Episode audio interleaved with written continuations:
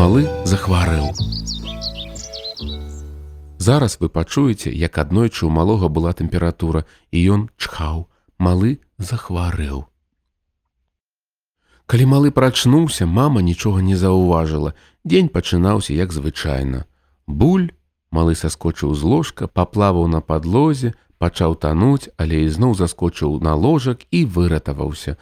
Буль, гэта мядзведзік зваліўся ў возера. Буль, гэта малы скочыў у ваду, каб ратаваць мядзведзіка. Потым ён высушыў яго пакрывалам. На пачатку здавалася, што гэта будзе самы звычайны дзень малога. Але не, пасярэдзіне гульні малы пайшоў да мамы. Паслухай, мама, звярнуўся ён, у мяне нешта баліць галава. У яго былі чырвоныя шчокі і бліскучыя вочы. Мама памацала яго лоб. Ён быў гарачы. У цябе ж тэмпература ўзрушылася мама, ты захварэў малы. Думаю, табе лепей пайсці легчы і адпачываць. Малы гэтак і зрабіў. Ён пайшоў і ўладкаваўся ў сваім ложку. Даволі доўга ён ляжаў спакойна. Ён чхаў. Мама вымерла яму тэмпературу 39 градусаў. Гэта шмат, зазначыла мама. Яна прынесла малому дзве кніжкі, якія яму больш за ўсё падабаліся. Адна пра вадалаза, а другая пра альпініста. Малы ляжаў і гартаў іх.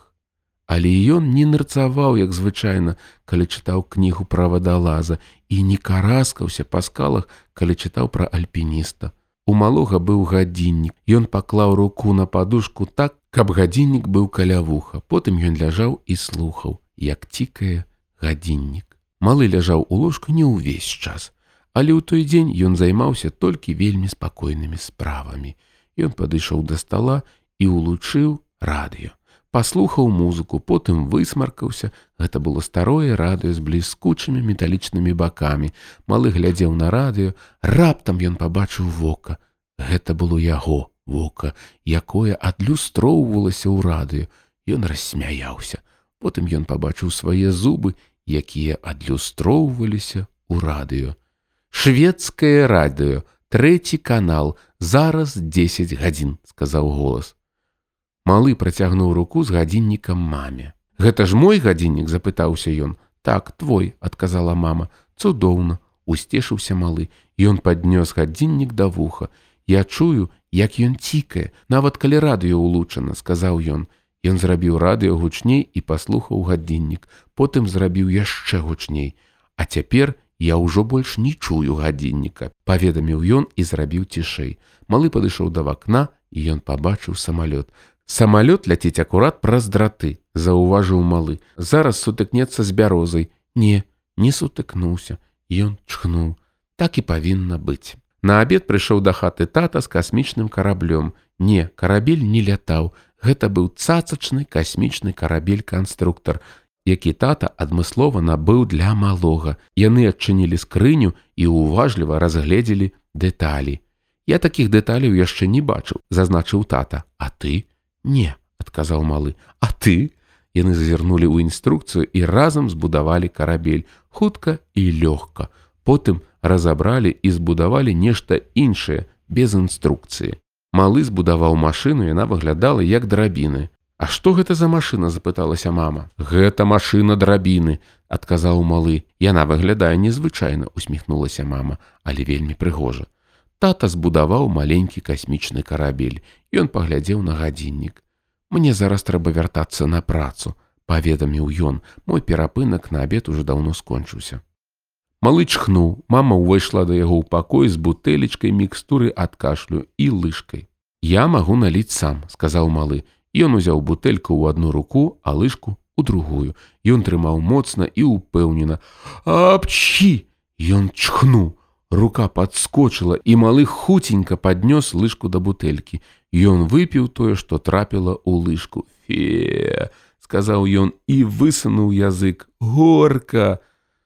Дзын, дзын, малы патэлефанаваў Білан. Ты можаш прыйсці да мяне, запытаўся ён. Думаю, што не, адказала Білан. Хтосьці з маміных знаёмых неўзабаве прыйдзе да нас у госці, і мама хоча, каб я засталася ў хаце з ёй. А мне вельмі хочацца, каб ты пабыла са мной, настойваў малы, ты можаш усё адно запытацца. Пачакай хвілінку, попрасіла Білан. Малому давялося чакаць даволі доўга. Я магу прыйсці толькі ненадоўга, сказала Білан. Мама мяркуе, што я і так гуляю з табой амаль штодзень і што час ад часу трэба пабыць дома. Праз некалькі хвілін Білан прыйшла. Малы сёння хварэе, папярэдзіла мама. У яго тэмпература і ён чхае. Нічога, я што-небудзь прыдумаю, сказала Білан і пабегла ў пакой да малога. Ён ляжаў у сваім ложку. Білан села на край ложка спінай да малога. Ту-ту-ту прасігналіла яна. Гэта машына хуткай дапамогі.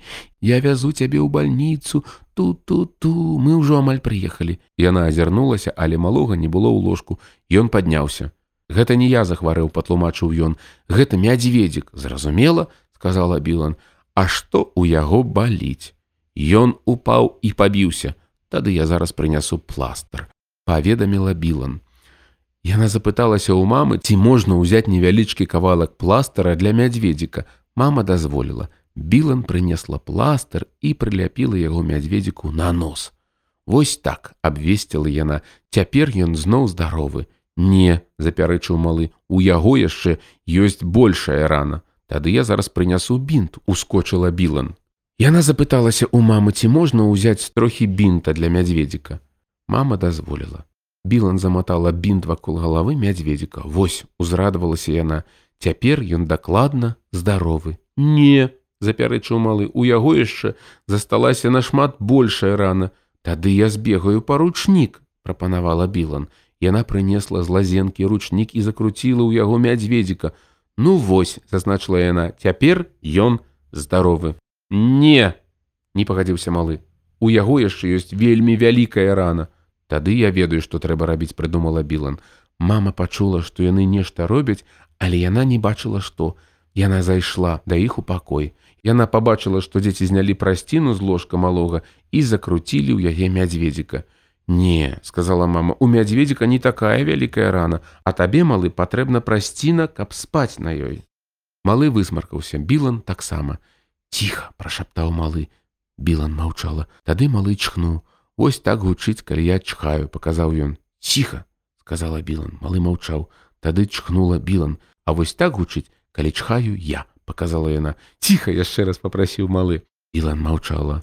Плоп, выгукнуў малы. Вось так гучыць, калі я раблю плоп. Ціха попрасіла і Білан. Малы маўчаў. Пі, сказала Білан, А вось так гучыць, калі я раблю пі. Так яны сядзелі ў ложку і чхалі і рабілі плоп і піды шмат іншых гукаў, якія маглі толькі прыдумаць. Яны нават спрабавалі зрабіць такі гук, які не ўмелі рабіць. Дзын-дзын зазваніў телефон. Гэта была мама Білан. Білан узяла слухаўку, хвіліну яна маўчала. Але мы заняты справай, мы робім плоп і піп.